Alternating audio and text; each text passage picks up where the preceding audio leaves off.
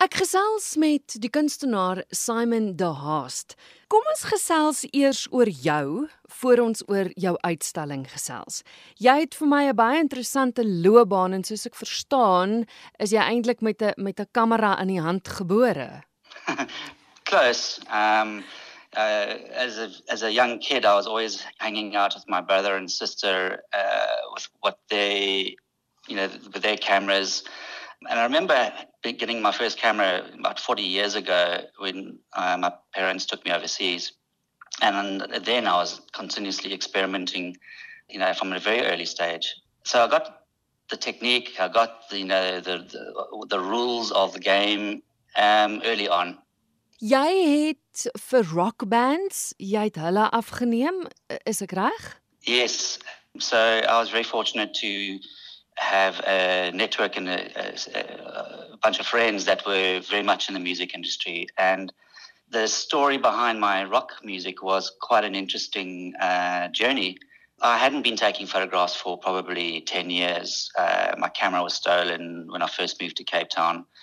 Then I, I was invited to a friend of mine's wedding, and uh, I was given a camera just to play around with. It's one of the first Nikon digitals. And I realized I absolutely just missed looking through the lens and, and, and then uh, taking some snapshots. Fast forward a few weeks later, I was at a Metallica concert in Greenpoint, of all things. And I was looking through some binoculars at the stage, and it suddenly hit me that this is what I need to do. I need to be taking photographs of bands because, uh, you know, by, you know, up to then I'd been very much involved in the music industry, from an from an outsider's perspective, you know, uh, mm. I was involved in a record label, but I missed this creative outlet, and that fired up uh, a new mission for me to find a way of getting into the scene, finding a way to get access to a camera because I didn't own a camera. Um, in fact, I didn't own a camera for five years of my rock band shooting career. Sure. You know, I rented and I rented and borrowed from friends, and yeah, I just started the journey, and I just had a such a fired up passion about it, and a, such enjoyment. And I must say that the that the bands I engaged with, the, you know, I was very privileged to be part of their lives, and they you know gave me access. Um, and through access, it you know allowed to you know you get that chance to capture some epic images. Maar jy het vir die Rolling Stones SA het jy foto's geneem die tydskrif, né? Yes, so um, again I was uh, asked to uh, go to various festivals and act as their photographer amongst a few other uh, of their team that were also shooting beautiful, you know, captured some beautiful images and interviews of various artists. Unfortunately, some that aren't with us today. I've got some beautiful portraits of Pete Butter. Hmm. Um, captured some amazing video of him in performance with um, uh, Rian Zietsman from Taxi Violence doing a really special song from um, Nine Inch Nails that privilege, being able to capture those moments, document them in history, document our, our, our music icons, that was for me a really special part of that journey. Mm.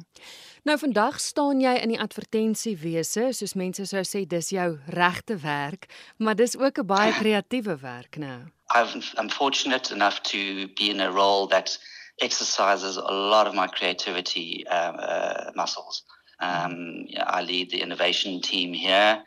Um, and it's you know it's, it's always about pushing the boundaries, and it's, and it's exactly you know the, the the, the principle of seeing seeing differently, um, and that that resonance you know goes through all of my work and the way I see the world. So it's no different to my work life.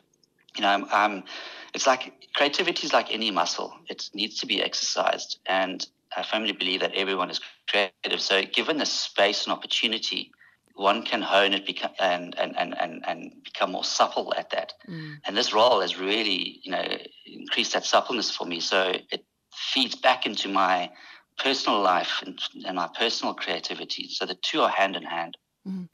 Is hierdie jou eerste uitstalling, Simon? It is. Um, I've been hiding my images for such a long time on my hard drive. I don't know what the uh, story there is. I need to interrogate that but yes, this is. I'm very, very excited that suddenly the time seems to be right to put my work out into the world, um, and to get the you know to, to to watch people enjoy what I've been enjoying as I've been seeing the work come alive. mm. you know, when I've been printing it. Uh, it's astounding one when one moves from pixels to paper, just how how beautiful stuff can become. Ja. Nou, jou titel interesseer my, maar ook die manier hoe jy foto's neem. Kom ons begin by die titel. Dis Vuja Day, the stories we tell ourselves. Waar kom die titel vandaan?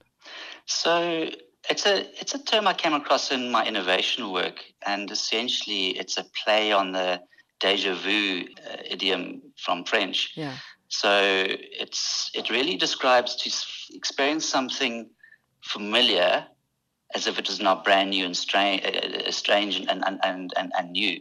So it's like a, a, an every everyday object captured in a new way seems utterly foreign and, and new. So that's a it's a, it's a it's a way of saying how can we take things that we take for granted every day and look at them with new eyes and new lenses and say, hang on, if we could do that or shape shift it into a different way, it could have a different meaning or a different opportunity. Ek wil hê ons moet gou kyk na 'n voorbeeld en en vir die luisteraars verduidelik wat dit is waarna ek kyk en dan en dan wat dit is. Dit is dis 'n dit is een van jou foto's wat daar's perse, pink, geel, dis hierdie ongelooflike mooi kleure.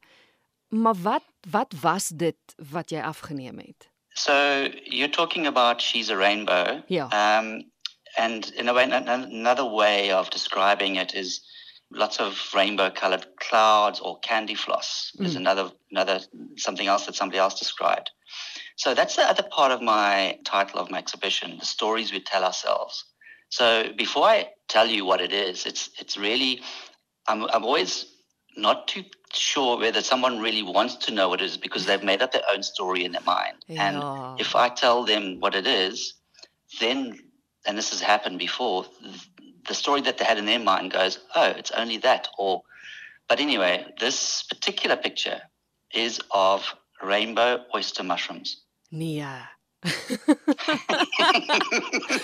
okay, maar nou nou is ek geïnteresseerd in in hoe jy dit doen want want dis die hele ding. Jy vat normale alledaagse objekte en jy verander dit soos jy sê dat elkeen hulle eie storie kan opmaak. Maar maar hoe hoe doen jy dit?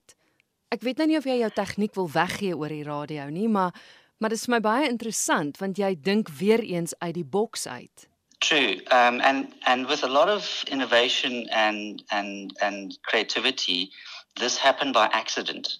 So I was playing around with some settings and we were, we were driving through Berkeley East and I was taking some photographs of some wheat fields and thought, oh, that's interesting because what I had done is I had set my exposures to really long and I was able to capture the motion blur in a different way. You know, it's a typical feature of, of, of photography where you, you blur the blur the image for, for, for, for a particular reason. Hmm. But then I started extending that because you know the golden rules of you know of photography are, you know, keep the camera still for a long exposure, otherwise you'll get camera blur and the image won't be sharp. But I embraced that, saying let's make the image uh, blurry and not sharp, and let let the digital embodiment of that image blend some of the uh, background images, uh, the the background colors and features, so that they become indistinguishable, but they they, they become and create their new form. So essentially, um, there's two primary techniques I use.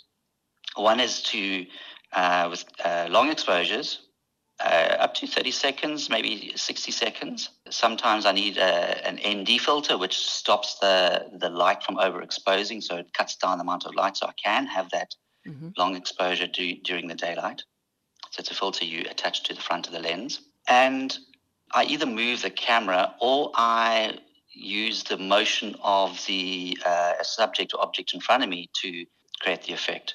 So, for example, there's another image that I've taken of nightclubbing you may have seen. That's you know, the people moving at a, at a, at a Van Coke Kartel concert. Mm. And the other technique I use sometimes is I take the lens off the camera. So uh, I have a um, DSLR, digital SLR. I take the uh, front lens, like a 50, milli, 50 millimeter lens, off the mount, and I hold it maybe about centimeter, two centimeters away from the, the, the base of the camera which gives that that distance and, and, and lens effect, which creates very different ways that the sensor can then interpret the outside world. That's called mm-hmm. free lensing, free lensing or lens whacking. It's worth googling that to see how people are are, are doing that. Okay. It's, I wouldn't recommend that because it keeps your camera repair people in business because of the amount of dirt that goes into the sensor. oh, toggie. Wel, ten minste skep jy werk vir ander mense. Simon, jou uitstalling open nou die 7de April. Vertel my net gou van die spasie waar dit open. 'n Ground Art Cafe. Waar's hulle? Ground Art Cafe is in Cape Town. It's in the Devatakant area. Uh, 160 Strand Street. So that's a, a, really nice, cozy cafe. That's the, the, the food and the, um, the coffees are amazing. I've been going there for quite a few years and threatening to do an exhibition with them, and they keep saying, yeah, yeah, yeah, yeah, yeah. Eventually, I decided to actually uh, bring in some work that I just printed, and the the curator Lisa just went, "Oh, this has to be up." And so I, I'm very privileged to be there it's a you know I follow in footsteps of some great artists, um, especially ones that have launched their careers there. So the, as a space, it's it has a I'm having about uh, nine images, nine pieces there of various uh, range size ranges from about a meter by meter to uh, 60 by 60 centimeters. Um, and yeah, it's, it's, it's a fabulous place to go uh, visit especially if you're coming down for any of the you know the events in Cape Town in the next couple of weeks, Cape Town Two Oceans Marathon, etc. Um, but yeah, it's it's it's well worth a visit. Uh, the exhibition's on for two months until the 31st of May, and it opens on the 7th of April. Ek neem aan luisteraars kan jou volg op sosiale media. You can uh, visit my Instagram page. Um, I'm under Colourburst with spelled the uh, non-American way, C L O U R B U R S T dot art. So that's colourburst dot art on Instagram, and then my website is colourburst dot art.